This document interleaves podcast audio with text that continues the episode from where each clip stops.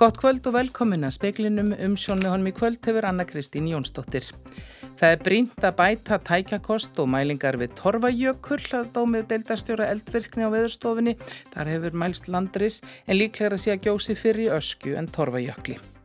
Kórónuveru smittum hefur fjölgað síðustu vikur, sóttvarnalekni segir að aftur verið teikt til við örfunar bólusetningar gegn COVID í haust. Alþjóði samband Íslands skorar á stjórnvölda standa undir þeirri ábyrð sem þau bera á lífi og velferð flóttafólks undan henni geti ríkisvaldið ekki hlaupist. Verbolgan í Breitlandi lækkaði rúinlega 1% í júli frá mánuðunum og undan.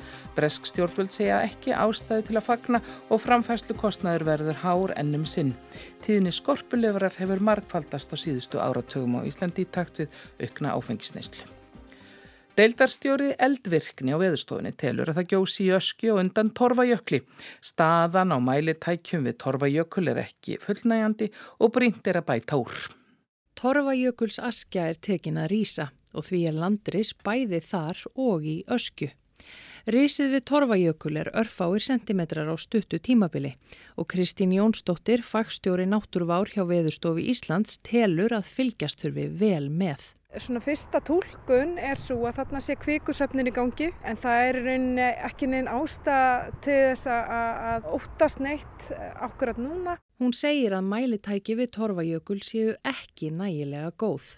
Ebla þurfi innviði á staðnum svo und sé að mæla betur. Hins vegar sé mörg hortna líta hjá starfsmönnum veðustofunar og óljóst hvenar tími vinst til að setja upp mælitæki. Við munum forgangsraða því auðvitað en við líka, þurfum líka að forgangsraða ösku. Láreglustjórin á Norðurlandi Eistra þingaði í morgun með fulltrúum frá almannavörnum, veðustofunni og öðrum viðbrasaðilum vegna stöðunar í ösku. Niðurstaða fundarins er svo að ekki er talin þörf á frekari aðgerðum eða aðgangsstýringum að sinni. Allir sem fara inn á hálendið á þessum slóðum eru kvattir til að hafa í huga að óvissustig er í gildi. Af þessum tveimur eldstöðum telur Kristín mun líklegra að askja verði fyrri til að gjósa. Við erum búin að horfa upp á landris þar í tvö ár og þetta er kominir 70 cm mesta rís þar þannig að það er líklegra að gerist eitthvað fyrst þar. Saði Kristín Jónsdóttir, Gunnhildur Kjærúlf Birgisdóttir tók saman. Sóttvarnalæknir segir að greiningum og kórunverismittum hér hafi fjölgað síðustu vikur. Ekki hefur verið bólusett fyrir verinu í sumar en halda á áfram að gefa viðkomari hópum örfunaskamta í höst. Guðrún Aspelund, sóttvarnalæknir, segir að COVID-smittum hafi verið að fjölga hér á landi síðustu fjórar vikur. Uh, og þá erum við að tala um að fara úr svona tíu tilfellum að viku í svona þrjáttíu. Það eru þau tilvik sem eru greint með PCR-prófum á sjúkrahúsum en það gefur auðvitað ekki heildarmynd af því hversu margir síkist. Margt fólk uh, sem þarf ekki að leita til leipistjónustunar er heima, tekur heimapróf eða er bara heima lasið en sjúkrahúsin prófa uh, þá sem koma til sín eða er unnilegjandi og með einkenni og þannig erum við að fá þessar tilkynningar.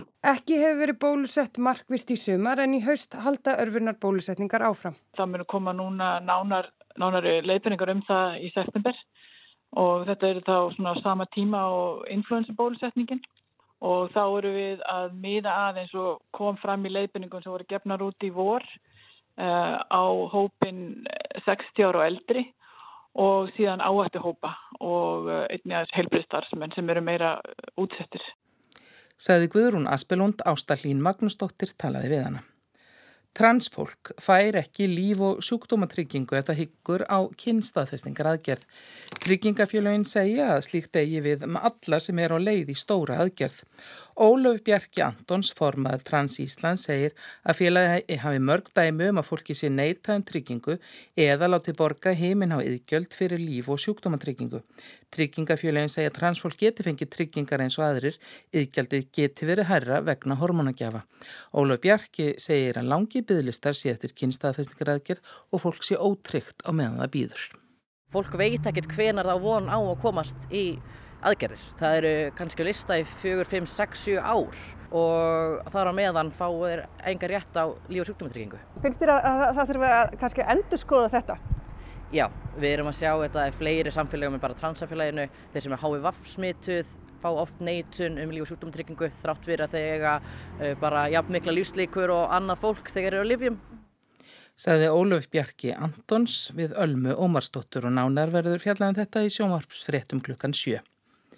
Tilrauna verkefni landhelgiskeslunar að gera aðra þyrlu sín út frá akureyrum helgina gekk vonum framar. Viðbarastíminn stýtti svo um munnaði. Gæslan íhugaðar að endur taka þetta næsta sömar. Landhelgiskeslan prófaði síðustu tvær helgar að staðsita þyrlusveitir sína þar sem ferðamannaströymurinn var mestur.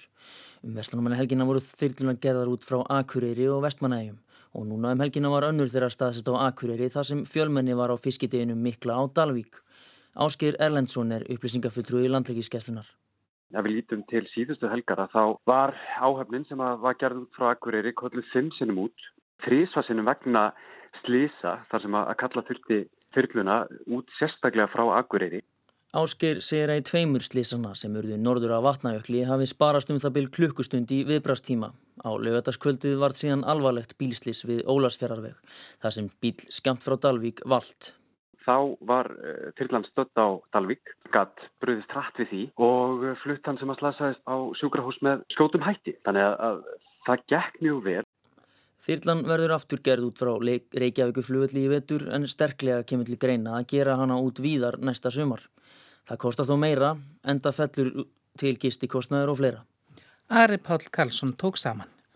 Miðstjórn Alþjóðsambands Íslands gaggrínir stjórnvöld fyrir að svifta flótta fólk allir í þjónustu og koma í veg fyrir að það geti séð sér farborða.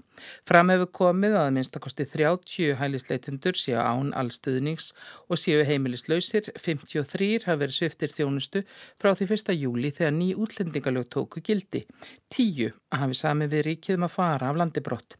Miðstjórnin segir að aðrar hættur og ógnir við lífið fylgi algjöru útskúin fólks sem hafi jafnvel dvali hér árum saman vegna þess að kerfið hafi ekki getað tryggt eðlilegan hraða málsmeðferðar eða sé til þess að hægt væri að senda þá örugan stað. Í álektununa segir að Íslenska ríkið hafi tekið á sig ábyrð á lífi og velferð fólksins frá þeirri ábyrð geti ríkisvaldið ekki hlaupist nú og ASI skorar á stjórnvöld að standa undir henni. Breska þjóðminjasafni hefur rekið starfsmann vegna grunnsum þjófnað og skemdarverka á safnmunum meðal munana sem eru skartgripir úr gulli og eðalsteinar. Í yfirlýsingu frá safninu kemur fram að lögregla rannsæki málið. Munirnir voru ekki í síningarsölum sapsins, heldur voru þeir aðalega notaður til rannsókna og í fræðilegum tilgangi. Stjórnarformaður Sapsins, George Osborne, segir í yfirlýsingunni að forráðamenn þess hafi miklar áhyggjur af mununum og ástandi þeirra. Þegar hafi verið gripið til aðgerða og öryggisreglur á sapninu hertar. Lögð verður áhersla á að draga þann til ábyrðar sem grunaður er um stildin. Osborne segir að forráðamenn Sapsins muni bregðast við með þrennum hætti. Í fyrsta lægi verður lögð áhersla á að endurheimta munina, í öðru lægi að rannsaka hvernig hefði mátt koma í veg fyrir þjófnaðinn og í þriðja lægi á að bæta öryggi til að koma í veg fyrir að þetta gerist aftur. Ástrós Signíadóttir sagði frá. Gröfumadur slapp með minniháttar ávarka þegar grafans vald 20-30 metra fram af stalli í fjallslið fremri Káranhjúks í júli. Vinnan lániður um tíma eftir slísið en verkið er aftur komið á áalli. Östurfrétt greindi fyrst frá þessu. Í svari landsvirkjunar til fréttastofu segir að grafan, svo kalluð Könguló, hafi oltið alla leið niður að grjótrunskýrðingu. Í sumar er unnið að hrunvörnum og bergstyrkingum í fremri káranhjók. Grafan var við þá vinnu þegar slísið varð. Landsvirkjun segir að gröfumadurinn hafi komist hjálparlust út. Laugregla, sjúkrabíl og björgunarsveit voru kölluð á vettvang en ekki var talið nöðsynlegt að senda hann til Akureyrar eða Reykjavíkur. Þess í stað fór hann með sjúkrabíl til rannsókna á Norðfyrði og var útskrifaður þaðan daginn eftir. Í svari landsvirkjuna segir að verkið sé unnið við krefjandi aðstæður og verktakinn sé sérhæfður og þjálfaður til slíkra starfa. Sérfræðingar meti hverju sinni hvaða viðbúnaðar sé þörf og verklag við þennan verkþátt verði endurmetið. Atvikið var tilkynnt til vinnu eftirlitsins. Grafan sem vald skemmtist nokkuð við fallið og því þurfti að fá aðra á staðin. Vinna láð því niðri um tíma.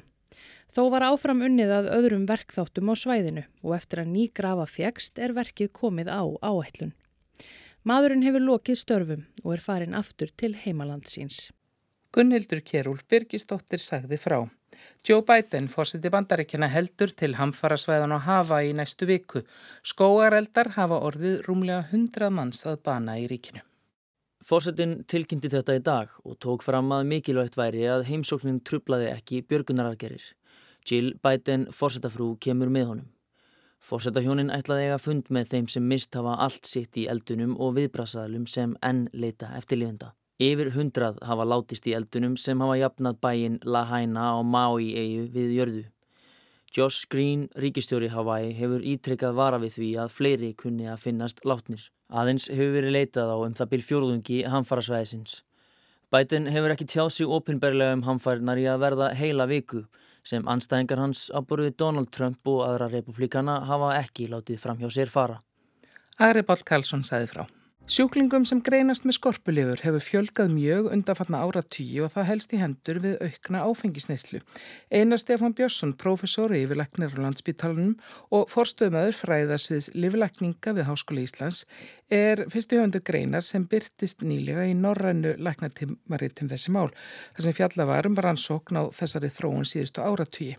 Skorpulifur er frekar sjálfgjafur sjúkdómar en fjölgun tilfella er mikil. Sláandi nýðustur um um aukningu á skorpulifur á Íslandi á 40 ára tímabili og uh, samfara þessu hefur orðið gríðarlega aukning í áfengisneislu á mörgum ástæðum og uh, það má segja það að áratugina 1980-2000 þá greindist kannski eitt tilfelli á, ári með skorpulögnu áfengis á Íslandi sum árin tvö og sum árin ekkert tilfelli.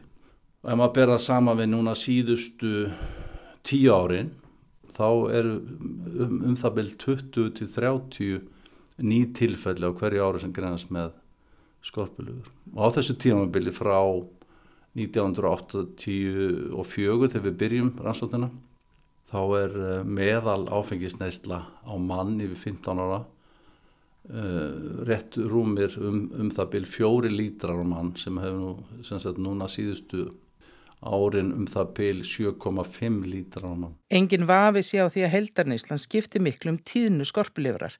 Úr tíðninni dró til dæmis mjög á stríðsárunum í Fraklandi þegar vindrykja minkaði en þar jógst hún svo aftur í takt við neisluna eftir stríð.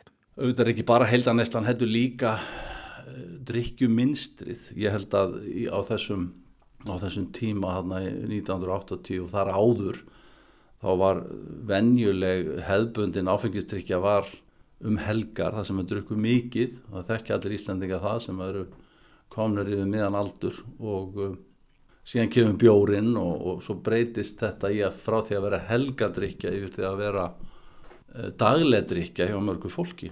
Mörguleiti hefur áfengis menningin breyst, það, það er kannski heldur minna um þessa uh, miklu illa druknu einstaklinga, ólinga heldur eh, við bjórdrykju og svona þá er ekki eins mikil ölfun en það kannski má segja það að það sé gott fyrir, fyrir heilan. En það er verra fyrir livrina ef það er svona jöfn drykja og, og, og til dæmis í þessum hefðbundu víndrekkandi löndum eins og í Spáni og, og Fraklandi og Ítalíu þá er, þessi, er skorpulur algeng og það er enginn sem hefur hugmyndum uh, fyrir þessi menn fá enginni skorpulega að þeir, að séu ykkur ofdrykkjumenn þannig að það, þeir drekka á hverjum einasta degi, það ber ekkit á því. Rannsóknin tók til allra sem greindust með skorpulifur á tímabilinu frá 1984 til 2020. Síðan höfum við tölu um það hversu margir á þessu tímabilinu hafa verið á vogi en það er mjög lítill hluti þeirra sem uh, inskrifast á vog sem að eh, fá greiningun á skorpulifur setna, það er bara um 1% sem þýðir það í fyrsta lagi er það þannig að, um, að þó þú drekkir yfir þessum mörgum sem að getur valdið eða gefur áhættu að fá skorpulu með vita það nokkur með einn hvernig það er um þau mörg þá er alls ekkit allir sem að fá skorpulu, það er bara lítið hluti.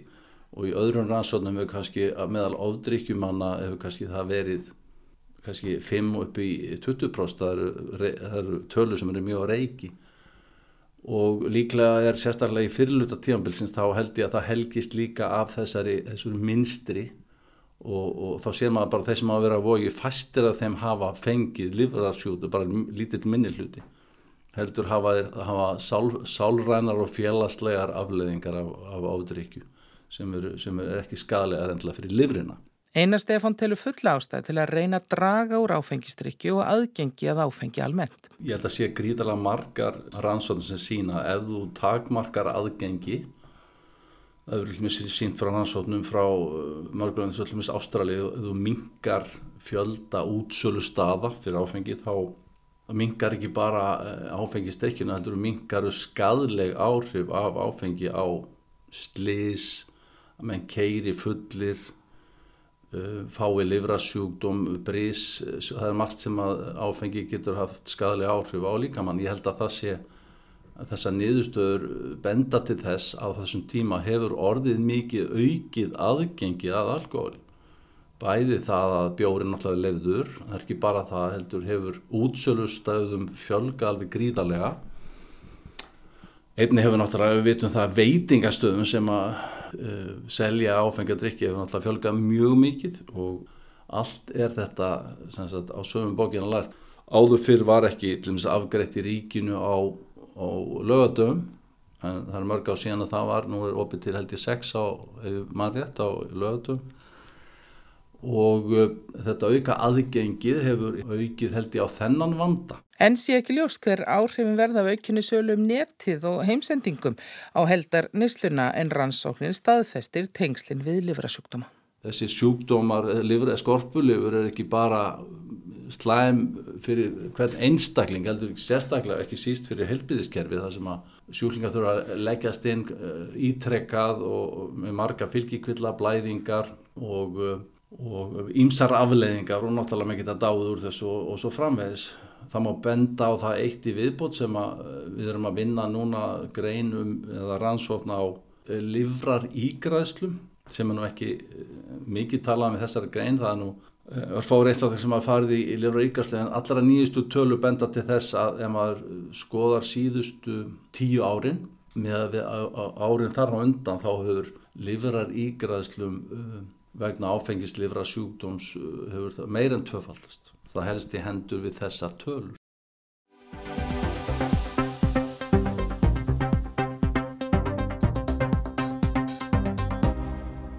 Jákvæð tíðindi úr efnahagslífinu í Breitlandi hafa verið fá undanfarin misseri. Einn bárust þó í morgun þegar Hagstofan og NS tilkynnti að ársverðbólgan í júli hefði verið 6,8%. Hún var 7,9% í mánuðinum á undan þannig að lækkunin er umtalsverð. Útkoman er sveipuð og efnahagserfræðingar höfðu reknað með þeirra á meðal hagfræðingar Englandsbanka, Seðlabanka landsins. Aðal skýringin á þessari lækkun er verðlækkun á rafmagnu og gasi til húshitunar að fyrir breskir fjölmiðlar hafa eftir Matthew Korter sérfræðingi hjá hagstofunni. Hann bendir jáframt á að þótt ársverðbólgan, það er neyslefuri vísitalan, sé á niðurleið, sé kjarnaverðbólgan, það er verðbólga að frátöldum orkukostnaði og verði á áfengi, tópæki og matvælum og breytt frá því í júni, það er 6,8%. Jeremy Hunt, fjármólar á þeirra, byrti í morgun færslið á samfélagsmiðlinum X sem áður var þektur undir nafninu Twitter. Þar sagðan að þrátt fyrir þessi ánægilegu tíðindi væri engin ástæða til að sína andvaraleysi. Hörð baróta við að ná verðbólgunni nýður heldi áfram og því miður getur landsmenn búist við að stýrivextir yrðu hækkaðir en frekar á næstunni. Lækkunin í júli síndi þó að efnahagsráðstafanir stjórnvalda virkuðu. John Glenn, aðstóðar á þeirra í fjármálaráðuneytinum, tók undir þetta í viðtali við Skye, sjónvarps fréttastofuna. Árangurinn gafi vonir um að markmiðinu yrði náð sem Rísi Súnak forsætis á þeirra tilkynnti í upphafi ársins. Uh, it wasn't going to be easy. None of the Prime Minister's pledges were going to be easy, but we are focused on taking all those decisions as a government to get us down to uh, half what it was at the start of the year. Við vissum að engar ráðstafanir sem forsætis ráð þeirra kynnti erðu léttar en ríkistjórnin ætlar að berjast við að ná verðbólgunni nýður í helming þess sem hún var í upphafi árs, sagði Glenn. Fjölmiðlar í Breitlandi leggja áherslu á að framfærslu kostnaður eigi eftir að hækka þrátt fyrir að verðbólgan sé tekin að lekka en þó ekki eins hratt og verið hefur. Á frettavef BBC eru nokkur dæmi tekin um hækkun á matvörum frá því í júli í fyrra. Kíló af strásíkri hefur hækkað um 54%, eggjabakki með 12 meðalstórum eggjum um 27%, kjúklingar um 15%, kartöblur um 12% og mjölk um 11%. Í frett ríkisfjölmiðilsins kemur fram að verð á flugferðum og hótelgistingu haldi verðbólgunni engum uppi. Verð á flugferðum hefur til dæmis hækkað um 30% á einu ári. Stjórnaranstæðingar á breska þinginu taka tíðindum af lækkun verðbólgunar með fyrirvara.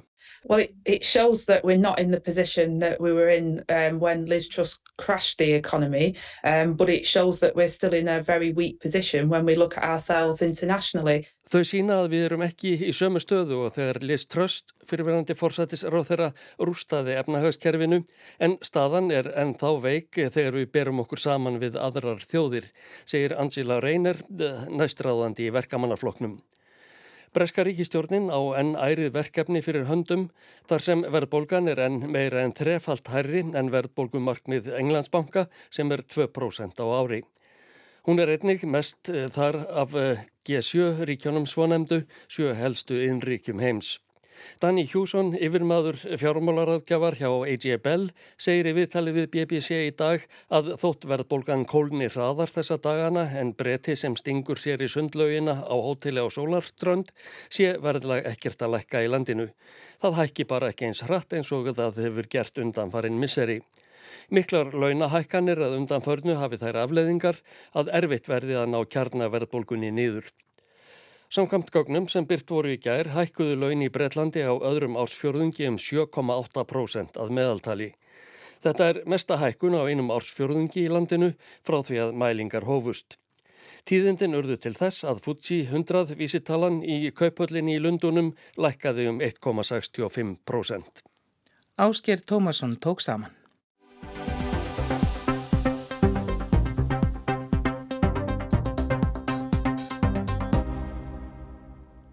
Staðan í velferðar og heilbyrðistjónust og akkurir er erfið vegna fækkunar hjúkrunaríma og þess hver erfitt er að ráða fólki í umennunastörf. Formaður velferðaráðsjá akkurirabæ segir að ástandið sé óviðunandi. Í mæ 2021 tók Hilsuvernd sem er engareikið fyrirtæki í heilbreyðistjónustu við rekstri hjúgrunarheimilisins Hlýðar á Akureyri. Hlýð er eina hjúgrunarheimilið á Akureyri og það stærsta á Norðurlandi. Þar starfa um 300 manns og jafnan eru íbúar um 180. Sveitarfélagið rakheimilið áður en hilsuvernd tók við. Mikið hefur verið fjallað um hlýð undanfarna mánuði. Þar þurfti að fækka hjúgrunarímum vegna skemta á húsnæði og áhrifa af því hefur gætt víða í helbriðis og velferðarþjónustu á Norðurlandi. Teitur Guðmundsson, forstjóri heilsuverndar, segir hafa leið fyrir í áraraðir að viðgerða væri þörf. Við vissum náttúrulega frá upphafi að húsnæði var ekki búið að vera í góðu ástandi þar sem að fyrir lágu skýslu frá umhverju sem mannverkjastofnun akkurir áður en við tökum við húsnæðinu.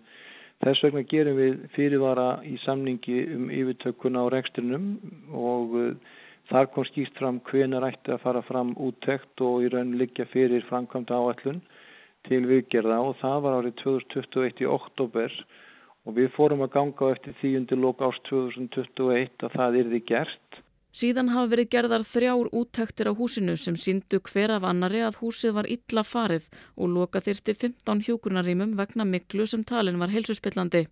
Miklu og rakaskemdir í húsi þar sem aldraðir búa og sækja heilbriðstjónustu vöktu óhug margra. Sáhópur er viðkvæmur fyrir öndunarfærasíkingum og öðrum helsukvillum sem geta fyllt miklu og slæmum loftgæðum. Að auki gaggrindi heilsuvernd að hafa ekki fengið skýrslu um þessa slæmu stöðu fyrir en fjórum mánuðum eftir að hún var sendt heilbreyðisræðuniti. Stjórnendur heilsuverndar kröfuðu húseigandur, ríkið og akureyrar um tafarlausar úrbætur þegar þeim var greint frá ástandi húsins en tafarlausar urðu þær ekki Framkvæmda sísla ríkisins fer með verkefnið en lengi vel komu sveitarfélagið og ríkið sér ekki saman um hvort bæri ábyrð á viðgerðanum. Ráðunetið benti á að viðhaldi húsins hefði ekki verið syndi í höndum akureyrarbæjar en bærin benti á að heilsuvernd og ríkið hefðu gert rekstrarsamning sín á milli. Við skiljum alveg að það getur verið flækjustig en það bara kemur okkur sem rekstrar aðila reynlega ekki við og getur ekki leið hjá okkur að bera hallana því sem að ríki og sveitafélagi er í vandrað með. Við erum bara að reka helbriðistjónustu og við sömdum um að reka helbriðistjónustu undir ákveðinu formerkjum og hún myndi uppfylla skilirði sem við gerum og við fengjum húsnæði sem væri ásættanlegt til þess rekstrar. Og það er alveg klárlega ábyrður ríkisins að tryggja það og sveitafélagsins og þess vegna höfum við bara lagt áherslu á það að menn klári þetta En likur ekki fyrir framkvæmda áallunum viðgerðir á hlýð. Áframhaldandi fundir eru þó fyrirhugaðir. Á meðan úrræða er beðið þingist reksturinn. Já, það er þannig í reksturi hjúkurunheimila að þau fá greitt fyrir þau rými sem þau hafa í nýtingu eða nótkunn. Og það er augljóst að þegar við getum ekki nýtt rými vegna þess að þau eru lokuð af sökum þessa ástands, þá fá við heldur ekki greitt fyrir rýmin á meðan og á meðan það ástand varir þá spara ríkið í raun og veru fjö hún er þó fjármögnu þessi þjónust á fjárlögum og reksturinn er fjármagnaður. Þannig að það sem þetta gerir og hefur beina áhrif á okkur sem rekstraðila er að okkur blæðir. Tekjurnar okkar skerðast á sama tíma og við getum ekki veitt þjónustu. Varað hefur verið við fyrirsjáanlegum skorti á hjókunarímum á Akureyri og svo þörf var greinileg áður en fækkaði um þessi rými Árið 2020 greindu stjórnveld frá því að þörfinni er þið mætt með hjókurunarheimili fyrir 60 manns. Áætlað var að taka það í nótkunn í lok árs 2023 en þeim áformum var breytt. Nú stendur til að byggja hjókurunarheimili fyrir 80 íbúa sem verður líklega ekki tekið í nótkunn fyrir 2026. Því leikur fyrir að rýmum fjölgar sannilega ekki næstu árin. Hulda Elma Eistensdóttir, formaður velferðarráðs Akureyrarbæjar, segir kerfið hafa fundið vel fyrir lokuninni á hlýð. Álag hefur aukist á sjúkrahúsinu á Akureyri og í heimaþjónustu þar sem umsækjandum um hjúgrunarými fjölgar. En hvernig verður þá tíminn fram að opna nýs hjúgrunarheimilis fyrir kerfið á Norðurlandi? Hann gæti orðið flókin, það er, það er rosa erfitt að fá einn starfsfólk. Núna var, var, var mjög erfitt að fá einn fólk í sumar í afreysingar og annað en það, það er náttúrulega bara að vinna að því og við, við finnum lausnir en þetta er ekki ásættalegt ástand. Fyrir tíu árum árið 2013 byðu 62 eftir hjókunarími á Norðurlandi, tvöfalt færri en nú. Umsóknum hefur fjölga nokkuð stöðugt þó með sveplum milli ára. Í dag eru 131 umsóknum hjúkurnar eða dvalarýma á Norðurlandi á borði heilbriði stopnunar Norðurlands og mun færri plossum útlutað en árin á undan. Á sama tíma í fyrra voru umsóknirnar 92. Færni og heilsumatsnemnd sem velur umsækjendur þegar rými losnar á hjúkurnar eða dvalarheimilum ítrekar þó að einstaklingar sem metnir eru í mestri þörf hafi algjöran forgang. Tíu er í forgangsflokki en voru sjö í fyrra. En hvað vil Akureyrarbær sjá að gert til að bæta þjónustu við aldraða í bænum? Við viljum náttúrulega helst sjá að framkvæmdi við hlýð hefjist sem allra fyrst og svo væri náttúrulega algjör draumur að nýja hjókunarheimilir sem er á að koma við, viðbót við hérna, lögmaslið að það verði bara, þeim framkvæmdi verði líka flýtt. Það er alveg fórsendur fyrir því. Hafið því orðið vör svona bara í ykkar störfum við óanægu meðal fólk sem setni bænum varandi þessi mál? Já, algjörlega. Það eru margir mjög ósattir og, og það er alveg skiljanlegt. Sagði Hulda Elma Eisteinsdóttir, Ólufrún Erlendsdóttir, tók saman og ræti líka við Teit Guðmundsson. Og veðurhorfur eru þær að það verður suðaustan strekkingur og ryggning með köplum sunnan og vestan til á morgun en annars verður sunnan góla eða stinningsgóla og bjartviðri norðaustanlands hlítverður í veðri. Það var helst í fréttum að það er brínt að bæta tækjakost og mælinga við tor Torfajökul sem land hefur risið að dómi deildarstjóra eldvirkni á veðurstofunni sem telur líklega gjósi fyrir ösku en Torfajökli. Kórunveru smittum hefur fjölgað síðustu vikur, sótvarnalagnin segir aftur verið tekið til við örfunar bólusetningar gegn COVID í haust. Transfólk fær ekki líf og sjúkdómatryggingu ef það hyggur á kynstaðfestingar aðgerð og áralöng byð getur verið eftir aðgerð sér formaður Trans Íslands.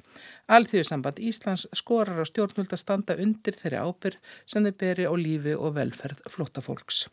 Fleira er ekki í speklinum í kvöld, tæknimaður var Kormákur Marðarsson, Anna-Lísa Hermannsdóttir stjórnaði útsendingu, veriði sæl.